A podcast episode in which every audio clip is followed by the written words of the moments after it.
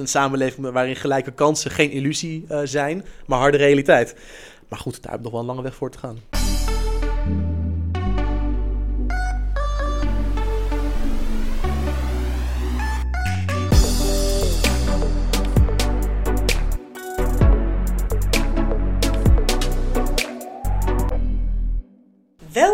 Allemaal bij een nieuwe Carrerix Keynotes podcast. Zoals jullie weten staat deze maand volledig in het teken van diversiteit en inclusiviteit in de recruitmentbranche. Um, nou, om daar eigenlijk verder op door te pakken, hebben we een prachtige klantcase voor jullie. We hebben namelijk niemand minder dan Global People uitgenodigd. En zij doen ongelooflijk veel op het gebied van diversiteit. Even een greep uit bijvoorbeeld de evenementen die zij organiseren. Een Global People Awards, een Diversity Dinner en op recruitment zijn zij echt held als het gaat om divers werven selecteren. Um, ik heb Taman uitgenodigd. Taman is Senior Recruitment Consultant bij Global People en werkt er eigenlijk al langer dan vijf jaar, Taman? Inmiddels vijf en een half jaar. Tijd gaat snel. Ja, inderdaad. Ja, nou, heel erg hartelijk welkom. Super tof dat je er bent. Um, ik zal mezelf nog heel kort even voorstellen. Mijn naam is Marjolein en ik ben content en events marketeer bij Carrerix. En uh, ik mag gelukkig deze podcast met enige regelmaat hosten. Super tof. Hey man, we hebben jou natuurlijk niet voor niets uitgenodigd. Jij gaat van alles vertellen over jouw werkzaamheden bij Global People en wat Global People uh, allemaal doet. Maar ik ben eigenlijk ook wel heel erg nieuwsgierig naar, uh, naar jou. Nou, Dankjewel voor de mooie introductie, Marjolein. Ja, natuurlijk. Nou, ik ben dus de man, wat we alle besproken hebben. Ik ben bijna 34. Ik woon in Amsterdam Zuidoost met mijn verloofde Marjolein. Ook met een korte ei, kan je nagaan. en mijn dochtertje Alma van anderhalf. En ja, als senior consultant bij uh, Global People ben ik uh, bezig uh, om bij Global People, het grootste platform voor culturele diversiteit in Nederland, ja, dagelijks met het thema bezig te zijn, waarbij we voornamelijk ons richten op Kijk, als je kijkt naar Nederland, hebben we gewoon een best wel diverse uh, samenleving. Mhm. Alleen we zien nog iets te weinig terug in meerdere lagen van de arbeidsmarkt. En ons doel is dan ook natuurlijk om dat op de arbeidsmarkt in alle facetten, alle lagen, die diversiteit terug te laten komen. En dat er gewoon een plek is voor, voor iedereen. Ja, precies. En hoe ben jij eigenlijk in de recruitment gerold? En wil ik het straks hebben over natuurlijk bij Global People. Ja. Dat is eigenlijk best wel een hele aparte tak van sport. Zeker, zeker. Nee, uh, leuke vraag. Ik had ook nooit van tevoren verwacht van ja, ik word, ik word recruitment, uh, recruitment consultant of ik word recruiter. Nee, hoe dat ging is, um, ik was aan het studeren en ik heb een vrij brede academische opleiding gedaan aan de Universiteit Utrecht, Liberal Arts and Sciences, waarbij, je, waarbij ik dan sociale wetenschappen als specialisatie koos. Want ik hou van mensen, ik hou van gedrag, ik vind het leuk om hè, te weten wat, wat mensen drijft. Ja. Maar daar binnen heb je nog best wel veel ruimte om je studie zelf in te plannen. En ik koos voor een stage bij een recruitmentbureau aan de Zuidas. Want ik juist die Zuidascultuur wilde leren kennen vanuit sociaal-wetenschappelijk oogpunt. Maar ook wel wil, wil weten van nou, recruitment gaat over mensen. Welke talent hebben mensen? Waar kan je ze kwijt? En weet je, wat voor vacatures passen bij ze? En ja, ik merkte wel dat uh, dat werk me op zich wel leuk leek. Alleen ik miste wel dat maatschappelijk. Het ging heel erg over ja, mensen die inderdaad al vrij goed zaten hen aan een nog betere plek te helpen. Maar ik wilde me vooral richten op mensen die iets meer hulp nodig hadden, iets meer coaching nodig hadden om hun droom aan te bereiken. Ja. En dat kwam eigenlijk bij Global People allemaal samen. Um, met als gevolg dat ik daar um, na mijn bachelor heb ik ze ooit op de carrièrebeurs ontmoet. Um, die in, Nederlandse carrière dagen moet ik zeggen in Utrecht. En uh, was zo'n goede klik. Um, later weer gewoon een mailtje geschreven van... hey, hebben jullie een vacature? Ik zag dat jullie komen werken. Dat was meteen een goede klik. Mm -hmm. En um, oorspronkelijk zou ik nog maar een jaartje willen blijven na mijn bachelor, om dan met een master door te gaan. Alleen ik vond het zo leuk en gelukkig zij ook. En we konden elkaar goed vinden. Dat ik nog steeds zit en uh, een master vanuit de Global People aan het volgen ben. Ik schrijf nu oh, mijn masterthesis. Die ja, moet ik uh, ja. volgende week zondag inleveren. Dus bijna klaar mee. Spannend. Ja. Zeker. En met een kind erbij slaap je daar ook heel weinig. Maar uh, dat, dat, dat, dat, is waar ik zelf voor gekozen heb. Hè. Dat is simpel, zo simpel is het. En zodoende eigenlijk. En nogal een klein zijstapje. Het feit dat ik in de recruitment ben geraakt is toch niet zo raar. Want mijn, de eerste stappen van mijn ouders waren ook in de arbeidsmiddeling. Mijn moeder heeft heel lang bij United Restart gewerkt. Voordat ze, voordat ze, dat ze nu doet wat ze nu doet. En, en mijn vader die heeft lang bij een arbeidsbureau gewerkt. Dus wat dus dat betreft... het zit uh, gewoon... Ergens in, in het bloed of zo. Ja. Het kruipt toch waar het niet gaan kan. Zo is dat bij Global People. Vijf en een half jaar later. Ja, exact. Um, super mooie kansen gekregen, zo te horen. Absoluut. Zou je wat meer over Global People kunnen vertellen? Jazeker. Het wordt wel leuk om toch even mee naar het begin mee te nemen. Um, de founder van Global People is Melvin Tunay en ook mijn manager. Hij had in 2004 de Other Network opgericht. Dat was een businessclub om multiculturele professionals die diversiteit omarmen aan elkaar te verbinden en samen ook zaken te kunnen doen. En de reden daarvoor was, hij had een eigen financieel adviesbureau en hij merkte dat zijn klanten voornamelijk hè, wit, blond, blauwe ogen uh, hadden. Maar dat zijn uh, zakenvriendjes voornamelijk bruin waren en ook succesvol. En hij dacht van, waarom kennen deze groepen elkaar überhaupt niet? Waarom doen zij geen zaken met elkaar? En zo is hij dus met de Other Network begonnen in 2004, waar ook dan de verkiezingen uit ontstaan is. Ah, waar we ook zo, ja. straks over gaan hebben ja, natuurlijk. leuk. En een jaar later, in 2005, had hij met zijn toenmalige stagiair Wilma Schild uh, Young Global People opgericht. Om ook iets voor de jongere doelgroep wat te kunnen betekenen. Want waar de Other Network zich vooral richtte op uh, de wat meer ervaren professionals. Management, de Bijvoorbeeld, managementlaag? uh, ondernemers en managementlaag. Ja, juist mensen ja. die al wat meer succesful waren Ja. en een multiculturele achtergrond hebben. Was Young Global People voornamelijk voor de starters gericht. Voornamelijk hoog, jonge, hoogopgeleide starter. En dan fast forward in uh, 2021 merkten wij dat de de meetings van de Other Network werden wat minder, recruitment werd wat groter. Organisch werd onze doelgroep ook steeds ouder en volwassener. Waardoor dus beide concepten toegevoegd hebben, samengevoegd hebben moet ik zeggen, tot Global People. Mm -hmm. Het grootste platform voor culturele diversiteit in Nederland. Op het gebied van werving en selectie en events. Waarbij we dus ja, meerdere senioriteitsniveaus um, uh, kandidaten helpen bij werkgevers die het verschil willen maken. Ja, want ik heb natuurlijk ook even bij jullie op de website zitten Ja, gluren. En ik heb fijn. ook even naar jullie, uh, naar jullie vacatures. Oh, ik, Maar gaat- ik word overhoord, ik hoor het Ja, al. zeker. Ja, maar het gaat echt van, van stage tot aan een managementfunctie. Ja. Het is heel breed. Zeker, en dat is denk ik ook wel onze kracht. Kijk, je moet je voorstellen, al sinds 2005 doen we het al. Hè? Dus we hebben best wel gewoon een flinke database met allerlei soorten kandidaten in verschillende geuren en kleuren, soorten en maten en, en wat je maar kan bedenken. Dus in principe zijn we wel in staat ook om meerdere branches te kunnen bedienen. Ja, ja. Hey, en en uh, nou ben ik natuurlijk ook automatisch daarmee heel erg benieuwd naar, naar de resultaten die jullie daarmee behalen. Want uh, ik kan me voorstellen dat zeker met de filosofie, hè, de, Ja. die, die div- diversiteit, Zeker. is dat je toch ook nog bij werkgevers een behoorlijk hoge drempel over moet. Uh, en dat je echt met hun het gesprek aan moet gaan. Nee, het is helemaal interessant wat je inderdaad uh, nu uh, aanstipt. Heel interessant. Um, nog even goed om even nog uh, op in te gaan. Um, ik zei ook bewust culturele diversiteit. Dat is natuurlijk zeker niet de enige vorm van diversiteit die er is. Nee. Daar sluiten onze ogen absoluut niet voor. Alleen wat we wel gemerkt hebben, als je kijkt naar de belangrijkste pijlers van diversiteit, hè, gender, leeftijd, um, uh, handicap, seksuele geaardheid en culturele diversiteit, merken wij gewoon dat die laatste maatschappelijk de meeste impact maakt. Iedereen vindt er wel iets over. Het kriebelt bij mensen. Mhm. Denk aan Black Lives Matter. Denk aan de Zwarte Pieten discussie. Denk aan de toeslagenaffaire van de Ja, Belastingdienst. ja, het roept best wel veel profileren voor de emotie politie. Exact. Ja. Het, het wringt aan allerlei kanten. Dus moet je er wat mee. En het is ook daarnaast iets blijvends. Uh, als je gewoon puur kijkt naar de cijfers. Momenteel is meer dan 25% zogenaamde eerste of tweede generatie allochtoon. Oftewel mensen met een migratieachtergrond. Mhm. In grote steden is de jongste jeugd nu voor 54% multicultureel. Dat worden dus ook gewoon de leiders van morgen. Dus slim om je daar ook gewoon op te richten als werkgever en Eigenlijk daarop te focussen. Ja, Want het wordt gewoon ja. jouw, jouw potentieel straks. Dus dat is een beetje de reden waarom we ons voornamelijk op culturele diversiteit focussen. En wat we ook zeggen, als je heel veel dingen tegelijkertijd schiet, dan schiet je mis. Dan kan je beter richten op één specifiek ding of een paar specifieke dingen om resultaat te boeken. Ja. Dan naar de resultaten toe. Nou, je kan je natuurlijk voorstellen, sinds 2005 al heel veel mooie resultaten geboekt met de corporate en bestuurlijk Nederland. Op het gebied van werving en selectie en het detacheren van mensen die ook vast in dienst zijn gegaan. De Rabobank staan een heel mooi voorbeeld van een van onze trouwste klanten. Waarmee we ook ons Excellence-programma hebben opgezet. Dat is een data-vast traject waarbij multicultureel talent, vooral binnen IT-functies, extra begeleiding en coaching ontvangt. Vanaf dag 1 al werkt en daarna door learning by doing en door te groeien, daarna beloond wordt met een vast contract bij de Rabobank. Heel succesvol in geweest met meer dan 20 plaatsingen.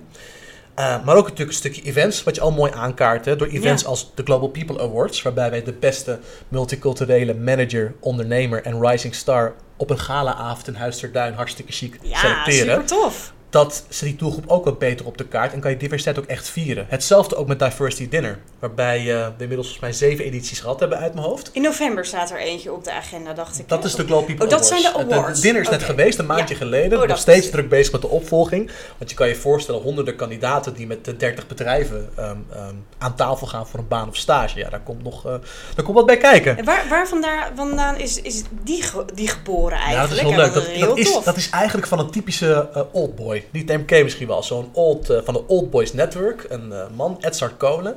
Die, die voornamelijk door investeren, private equity, venture capital inderdaad succesvol is geworden. En het was zijn idee. En wij hebben dat in feite uitgevoerd en geoperationaliseerd. Wat hij dus zei, toen eh, Geert Wilders kwam met de bekende afspraak, uh, uitspraak moet ik zeggen. Um, willen wij um, meer of minder Marokkanen? Mhm. En iedereen minder, minder, minder. Zei van nee, dat is niet mijn Nederland. Mijn Nederland is juist meer, meer, meer diversiteit. Dus zijn idee was om een diner te creëren om mensen met elkaar te laten kennismaken en een stagiair of iemand daarvan aan te nemen voor een baan. Mhm. Zo is het ontstaan en in zijn eentje vond hij het natuurlijk heel moeilijk om te doen. En daarom zijn wij daarbij betrokken geraakt als grootste platform. Ja, en ook absoluut, ervaring met de doelgroep en ervaring ook met werkgevers over de streep te trekken om hier, eh, hier, hier, eh, hiervoor te gaan. Precies, en kan iedereen zich daar gewoon voor aanmelden? Zeker, absoluut. Nee, absoluut. Eh, het is wel natuurlijk een investering. Denk aan tussen de 5.000 en 8.000 euro die je als werkgever betaalt om mee te doen. Ja. Maar ja, daarvoor krijg je natuurlijk een prachtige avond. Ehm, eh, acht kandidaten aan tafel die van tevoren zorgvuldig zijn gescreend om te kijken of het matcht met inderdaad de werkgever. De vacatures die open hebben staan. Ook een beetje naar persoonlijkheidseigenschappen waar we ook naar kijken. Ja. En iedereen die je op het dinner aanspreekt en uitnodigt of een arbeidsrelatie ehm, voor, voor, voor maakt, betaal je geen extra fee over. Dus kijkend naar de investeringen wat je ervoor krijgt, is dat enorm in, in voordeel van de werkgever. Interessant. Hey, en en die, die kandidaten, die zitten dan bij jullie gewoon in, in, in je ATS, hè? In de database, Dus de- en die, exact. die selecteren... In Carrerix, ja. Ja, mooi. Ja, in Carrerix, natuurlijk, absoluut. Hartstikke goed. Hey, want daar maken jullie natuurlijk ook gebruik Zeker. van. Ehm, nou, we, eh, we hebben het net natuurlijk over het, het belang van, van diversiteit Ja. eh, eh, bij een organisatie gehad en wat jullie daar eigenlijk allemaal aan doen. Je hebt net ook ons met wat, wat data rond de oren geslingerd, dus Ja. heel, echt super interessant. Ehm, maar ik vraag me dan ook af, want dat is natuurlijk allemaal super menselijk. Hè? Dus dat is, dat is diners organiseren, dat zijn awards uitreiken. Dat is echt een kandidaat aan de hand nemen. En kijken van, hé, hey, wat, wat past er nou Ja. bij jou? Hoe Maar ook de werkgever niet vergeten. Ja, de werkgever, precies. daar verandert ook dingen voor. En wij zijn juist ook heel sterk om de werkgever ook bij de hand te nemen. Wat betekent het nou als er multiculturele mensen in jouw team terechtkomen? Wat, wat, wat, wat verandert er? Wat blijft hetzelfde? Want ik denk dat die integrale aanpak van ons ook laat zien dat je aan beide kanten begeleiding moet bieden. Je moet de kandidaat begeleiden, maar de werkgever ook adviseren. Om ervoor te zorgen dat hij dat talent binnenhoudt en ook binnen blijft houden. En dat is niet Ja. eh, na een tijdje weer op straat staan.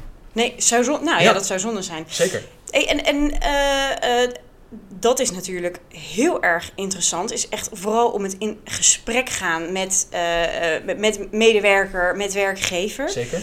Ehm, maar als we dan naar de technologie kijken. Ja. Hè, wij zijn natuurlijk een, eh, een softwarebedrijf. Zeker. Ehm, en ik heb dan meteen vraagtekens van, maar hoe, hoe doen jullie dat dan? Weet je, hoe zorg je er nou voor dat, dat je dat op een zo makkelijk mogelijke manier doet? En weet je, er komt toch steeds meer technologie om de hoek kijken, Zeker. artificial intelligence. eh, Het wordt allemaal geautomatiseerd. Zeker. Ehm, s- s- eh, ja, conflicteert dat eigenlijk niet met jullie werkwijze? Nou, sterker nog, je zou kunnen zeggen dat het juist een hele mooie katalysator is om onze werkwijze nog beter uit te kunnen voeren. Kijk naar wat technologie allemaal kan binnen recruitment en pas het dan toe op ons, hè, devies dat je zo objectief en, select, en, en moet selecteren zonder vooroordelen. Ja, daar kan iets als ChatGPT of AI je juist bij helpen. Want. AI is dus niet menselijk gedreven en zou niet moeten kunnen selecteren op eh, dan hoe, hoe wij als mensen kunnen selecteren. Recruitment blijft natuurlijk mensenwerk, maar ik denk dat technologie een hele mooie bijdrage kan leveren om het inderdaad zo goed mogelijk te doen. Eh, het inrichten van een objectief mogelijk werving- en selectieproces op basis van data in plaats van onderbuikgevoel. Ehm, eh, dat, dat, dat is iets, denk ik, waar we heel goed nog, ehm, waar we nog veel van zouden moeten ontdekken. We hebben het al een beetje al gedaan. Het staat nog in de kinderschoenen rondom Diversity Dinner. We Mhm. hebben dus een eh, software gebruikt, Recruit. En Recruit stelt ons in staat om op een objectieve manier ervoor te zorgen dat kandidaten aan werkgevers gekoppeld worden. Nou, hoe werkte dat? Aan werkgevers hebben we gevraagd wat hun 15 belangrijkste competenties zijn Mhm. om ervoor te zorgen dat de slagingskans van een kandidaat het grootste is. Wat zijn nou je 15 belangrijkste competenties als werkgever, waardoor je weet een kandidaat past of past niet? Bestaat een aantal culturele waarden, maar ook een aantal gewoon hardere competenties. Aan de kandidaatkant hebben wij een assessment laten doen, een objectief cultureel, cultuurvrij assessment, waarbij ook een score uitkwam in welke competenties daar het meeste naar voren kwamen. En Recruit matchte dan de beste kandidaten aan de werkgever op basis van data en profielen. Dat heeft tot hele mooie matches geleid. En ook in, in, een, in een, zo'n situatie dat kandidaten die misschien op cv helemaal niet uitgenodigd zouden worden, door zo'n objectieve manier wel de kans kregen om met een werkgever aan tafel te gaan, om, om zichzelf te presenteren en hopelijk daar mooie gesprekken uit te laten komen. Ja, ja. dat kan me heel goed voorstellen. Ja. En, en uh, als je dan gaat kijken naar, uh, naar bijvoorbeeld cultuurverschillen, hè, want dat lijkt me ook best wel lastig. Dat, dat, dat ruikt software natuurlijk niet, ja. die ziet dat allemaal niet. Nee. Maar ik kan me best wel voorstellen dat dat nog wel eens voor een kandidaat lastig zou kunnen zijn. Hè. Die heeft natuurlijk een bepaalde achtergrond, dus die komt bijvoorbeeld in één keer bij de Rabobank te werken. Ja. Hoe werkt dat dan precies? Ja, dat is, dat is natuurlijk uh, een hele goede. Ik denk dan toch even terug gaan onze integrale aanpak. Um, het gaat eerst om een flink stuk bewustwording. Bewustwording aan de kant van de klant en de kant van de kandidaat. Wie ben jij, wat wil je en wat kan jij en hoe verhoud je jezelf tot elkaar? Dat is belangrijk om mee te geven. Um, daar begint het eerst bij. Als je wilt kijken bijvoorbeeld naar, naar de werkgever, het is ook een stukje, um, ook een stuk sociale klasse. Als je gewoon, puur kijkt naar dat uh, de, uh, multicultureel talent, um, niet altijd dezelfde kansen krijgt als monocultureel uh, talent, zo gezegd. Zeker ook dat je afkomst daar een rol in kan spelen, maar ook natuurlijk waar je, waar je wiegje staat en het wat voor sociaal-economische status je komt. Dan, dan kan dat wel natuurlijk drempels op, opwerpen. Um, dat je bepaalde dingen niet meekrijgt die andere mensen wel meekrijgen. Heel simpel voorbeeld. In Nederland hebben we best wel veel corporate speak. Dat je dus bepaalde dingen soms genuanceerd zegt, terwijl je misschien wel iets zo anders bedoelt. Heel simpel, stel je voor Marjolein, wij zijn collega's en uh, ik heb iets gezegd in een meeting. En na afloop zeg je tegen mij, nou man, dat was niet zo handig hè. Dan weet ik, grote fout, dit moet ik niet meer doen. Nee. Terwijl als je dat niet voelt, omdat je bijvoorbeeld niet gewend bent aan die corporate speak, denk je niet zo handig, zou wel een klein foutje zijn. En dat zijn al hele kleine nuances die ervoor kunnen zorgen dat er grotere misverstanden ontstaan en mensen elkaar niet kunnen vinden. En ik denk als je dat soort dingen mooi uiteenzet aan de werkgeverkant. Hé, hey, werkgever, voortaan helpt het om wat direct te communiceren met Mohamed, ja, bijvoorbeeld. Precies. En aan Mohamed uit te leggen, luister, als hij of zij dit zegt, wordt er dit bedoeld.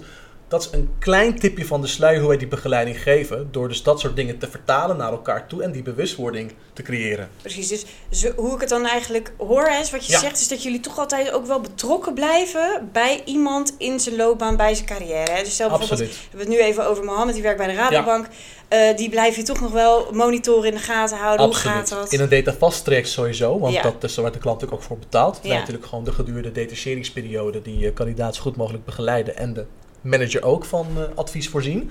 Maar we zeggen altijd van, um, als je bij ons komt te werken, met ons gewerkt hebt, je blijft onderdeel van de Global People familie. Dus het zou natuurlijk wel heel raar zijn dat je na, als je na jarenlang uh, uh, met een kandidaat gewerkt hebt, een bepaald probleem ervaart die bij ons zou kunnen aankloppen. Dat kan dus altijd, geen probleem. Je kan altijd dan kijken van, hé, wat kunnen we doen? Simpel voorbeeld, als een manager denkt van, hé, hey, ik, ik, ik ben niet zeker of, of dit nog langer goed door kan gaan of zo. Of hé, hey, waar kunnen we op letten? Dan kun je ook ons te pakken krijgen. Maar ook inderdaad positief. Van hey, ik zit te denken om Mo met een, uh, een uh, hoe heet het nou, opslag te geven, een promotie te geven. Denken ze me mee, waar moet ik aan denken? Weet je, dat, soort, dat soort simpele dingen kunnen al het verschil maken voor een, uh, voor een kandidaat en voor de werkgever. Mooi. En, en uh, als je gaat kijken naar bijvoorbeeld het registreren van gegevens. Hè? Ik ja. kan me voorstellen dat jullie best wel heel erg veel informatie uh, kan ook zijn dat ik het fout heb, maar ik kan me eigenlijk niet anders voorstellen dan dat jullie best wel veel informatie van een kandidaat verzamelen. Ik hoor je assessments zeggen, ik hoor je. Uh, nee, ik denk ook dat, dat je toch ook ja. naar de achtergrond van een kandidaat uh, moet kijken. Ik kan me ook voorstellen dat, er, dat er best wel kandidaten ook komen die een niet zo'n goede ervaring op de arbeidsmarkt in Nederland hebben gehad. Hoe gaan jullie daarmee om? Nee, dat is een hele belangrijke die je zegt. En dat is helaas ook wel de situatie. Um, bijna elke multiculturele kandidaat die wij uh, spreken, heeft wel ergens een krasje opgelopen in zijn of haar loopbaan. Dus het belangrijkste is dat je gewoon vooral een luisterend oor biedt en vooral inhoudelijk en met gevoel het gesprek daarmee aangaat. Dat is denk ik belangrijk aan de kandidatenkant. En als je die dan aan werkgevers voorstelt, daarin meenemen van luister. Bij twijfel toch oversteken, zeggen wij. Bij twijfel toch de kans geven, toch het gesprek aangaan. En um, wees ook open in je gesprek. Ga niet op je werkgeverstroon zitten. Probeer op een gelijk niveau van mens tot mens met elkaar te communiceren. Dan kom je tot de mooiste verhalen. En zie je misschien wel, um, ondanks dat deze persoon geen nevenactiviteit of bestuursjaren gedaan heeft, wel jarenlang mantelzorg heeft gedaan en daardoor heel veel doorstingsvermogen heeft. Want hij ook los van mantelzorg baantjes moest hebben om zijn studie te kunnen betalen. Op heel veel dingen moest schakelen, daardoor geen acht gemiddeld staat. En dat soort dingen weet je pas als je dat gesprek echt puur aangaat. Ja. En, en doen jullie dat dan door middel van een voorstelprofiel? Is dat dan echt iets wat jullie opschrijven? Of is dat, hé, hey, ik ga naar de klant toe en ik ga dit uitleggen, ik neem...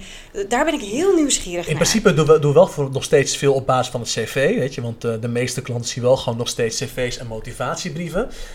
We zeggen nu wel van dat uh, de motivatiebrief die snijden we nu liever eruit. Omdat zeker in tijden van krapte op de arbeidsmarkt, je kan voorstellen, werkt het toch al drempelverhogend. Want dat moeten we ook niet vergeten. Voor elke 100 kandidaten zijn er 122 vacatures open. Dus de kandidaat heeft nu ook steeds meer te kiezen. Dus laat dat stuk nou weg, dan heb je een lagere drempel. En wat wij dan doen is, wij doen die één ding met de kandidaten voor een vacature en wij schrijven waarom wij de kandidaat goed vinden en waarom we de kandidaat goed vinden passen, bereik je twee dingen mee. Eén, je neemt de werkgever mee in hoe wij als diversiteitsconsultants kijken naar een kandidaat. Ten tweede, je kan een makkelijker feedback krijgen. Want het is dus niets frustrerender als recruiter om niet te weten waarom een kandidaat niet voldoet. Ja, precies. Of ja. juist dat wel goed te weten om het nog beter te kunnen doen. Dat is, daarom doen we dat zo. En daar komen de beste verhalen uit. En zo kan je kennisdeling op alle fronten doen. Ja, want uh, krapte op de arbeidsmarkt, ja. nog steeds hot topic. Mm Komen we ook voorlopig nog niet onderuit. Nee. Hoe gaan jullie daarmee om? Nou, je kan je voorstellen dat krapte ook een kans biedt. Want doordat er krapte is, um, worden werkgevers gedwongen om ja, creatiever naar talent te kijken.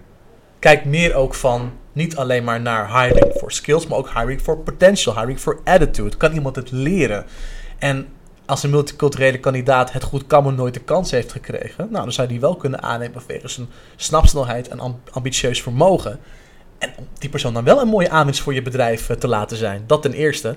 Ja, en ten tweede, kijk, als je altijd in dezelfde talentpool kijkt, samen met al die anderen, ja, dan, dan vang je vaak gewoon, uh, ja, dan, dan vang je vaak mis.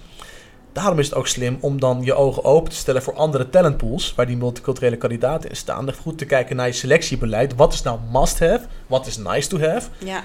En dat maakt het dat je, dat, je, dat je daar ook meer kansen krijgt van multicultureel talent. Precies. Dus ik, want ik hoor je zeggen, jullie maken dus echt veel gebruik van die talentpools. Ja, zeker. We, we zien in feite gewoon natuurlijk onze database als een grote talentpool. Daarbinnen we subtalentpools. Maar absoluut. En dat, dat, hoort ook bij ons werk. Hè. We zijn sowieso natuurlijk een bureau, zijde recruiters. Ja, dan moet je zo talentpools houden. En we doen de hele markt. Dus stel je voor, ik heb nu een aantal marketingvacatures, maar komt een salesvacature aan, dan hou ik ze wel natuurlijk apart voor als die vacature er komt. Dus absoluut. Ja, ja mooi als je gaat kijken naar jouw werk, want ik hoor je gewoon mm-hmm. met superveel passie praten over je nou vind ik echt heel tof om ik vind het ook wel leuk hoor. Anders ja. ben niet vijf en een half jaar, dan doe ik dat heel lang. Ja, precies. Als je nou gaat kijken naar je loopbaan, waar ben je nou eigenlijk het meest trots op? Ja, dat vind ik wel een hele mooie. Ik denk toch wel, um, um, ja, los van natuurlijk het feit dat je natuurlijk meerdere kandidaten geholpen hebt. Ik denk toch misschien toch om allereerste plaatsing. Ja. Januari 2018 was een hele leuke kandidaat die we voor een HR traineeship moesten begeleiden. En je merkte wel dat ehm, de werkgever toch op een iets te ambachtelijke manier keek naar cv's en profielen.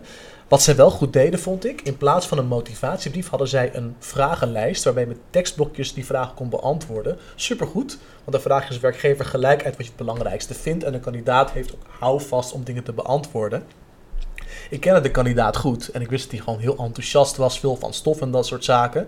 En op basis van die brief, ook had hij goed cv, wilde ze hem überhaupt niet uitnodigen voor de selectiedag. Dat ik denk van, joh, geef me gewoon de kans. Want ik merk een interpretatieverschil. Jij ziet bepaalde dingen, hè, beste werkgever, als irrelevant. Ik vind het juist relevant, want het laat zijn passie nog meer merken in bepaalde zaken.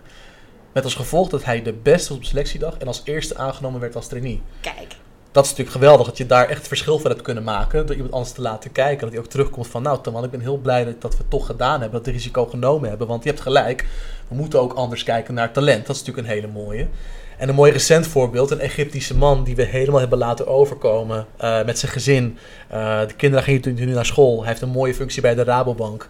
En die hebben echt uh, um, ja, kunnen helpen aan, aan een beter leven in West-Europa. En daar de hele onboarding, het huizen zoeken en dat soort dingen, internet regelen. Je kan het zo gek niet bedenken.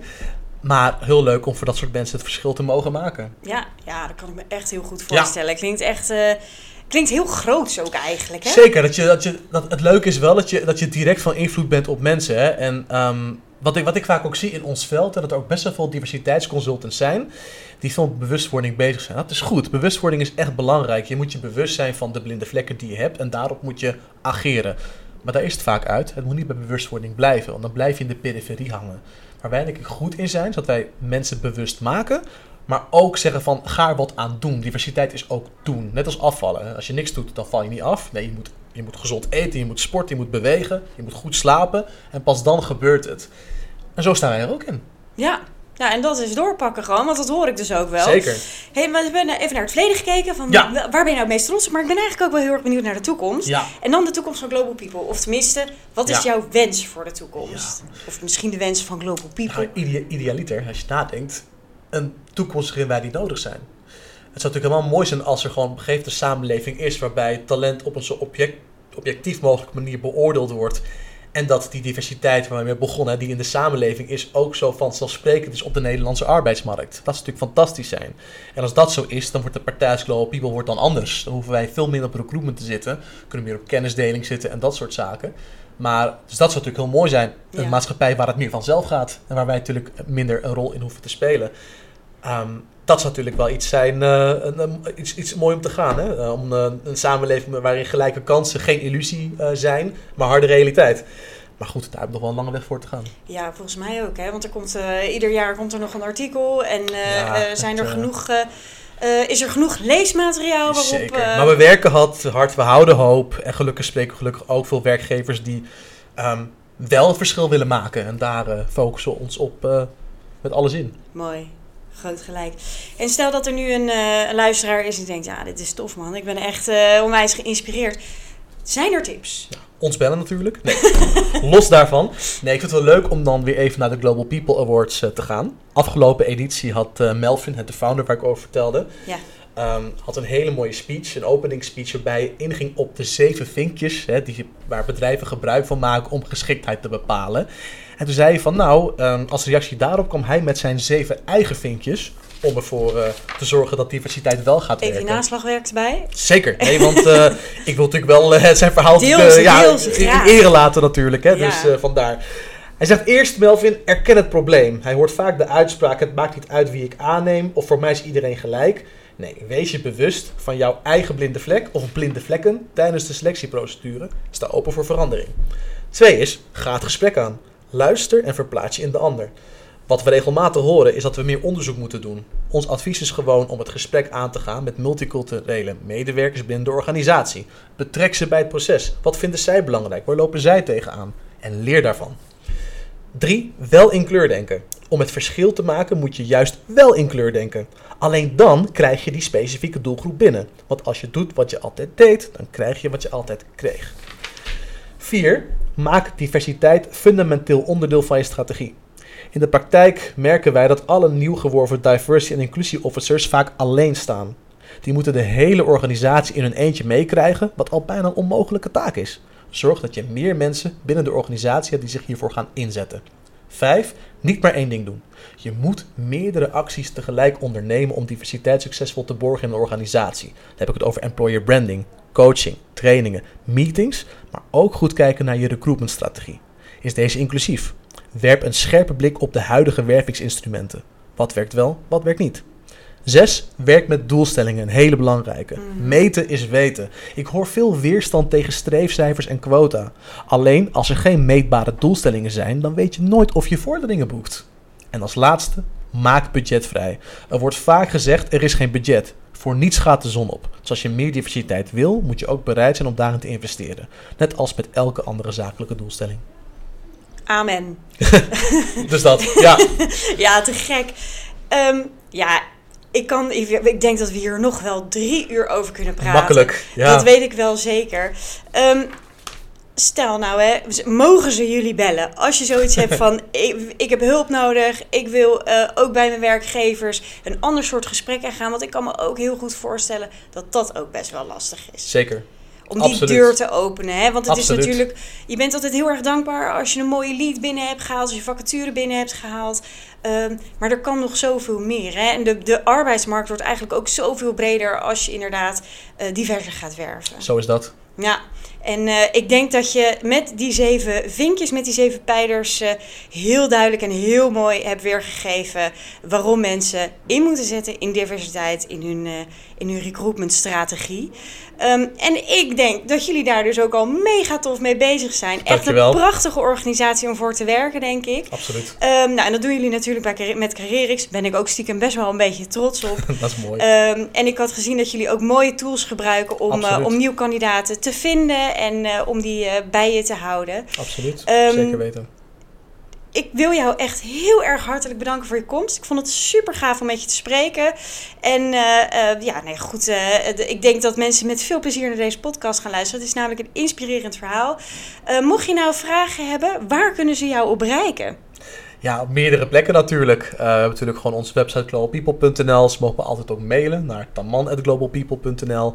We zijn ook op social media te vinden. Denk aan LinkedIn, Instagram, zelfs TikTok tegenwoordig. Hatzee. Dus ehm, nee, eh, stuur, stuur absoluut verblijft een berichtje naar mij. Voeg me toe. En eh, ik vind het altijd leuk om nieuwe mensen te leren kennen. Dus eh, Te gek. absoluut. Ja. Hey, super. Heel erg bedankt voor het luisteren iedereen. En eh, wij zijn er volgend kwartaal weer. En dan gaan we het hebben over generatie Z.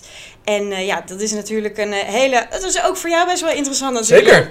Want dat is een hele nieuwe generatie die de arbeidsmarkt eh, gaat betreden. 23 jaar ongeveer, hè, de oudste. Absoluut. Dus dat, dat ik ga zeker luisteren. vergt nog wel wat voeten in de aarde. En daar zijn ook niet altijd de allerpositiefste verhalen over. Maar hoe kan je daar nou eigenlijk het meeste uithalen? Want het is een super vette generatie. Waarvan ik denk dat die heel erg creatief zijn.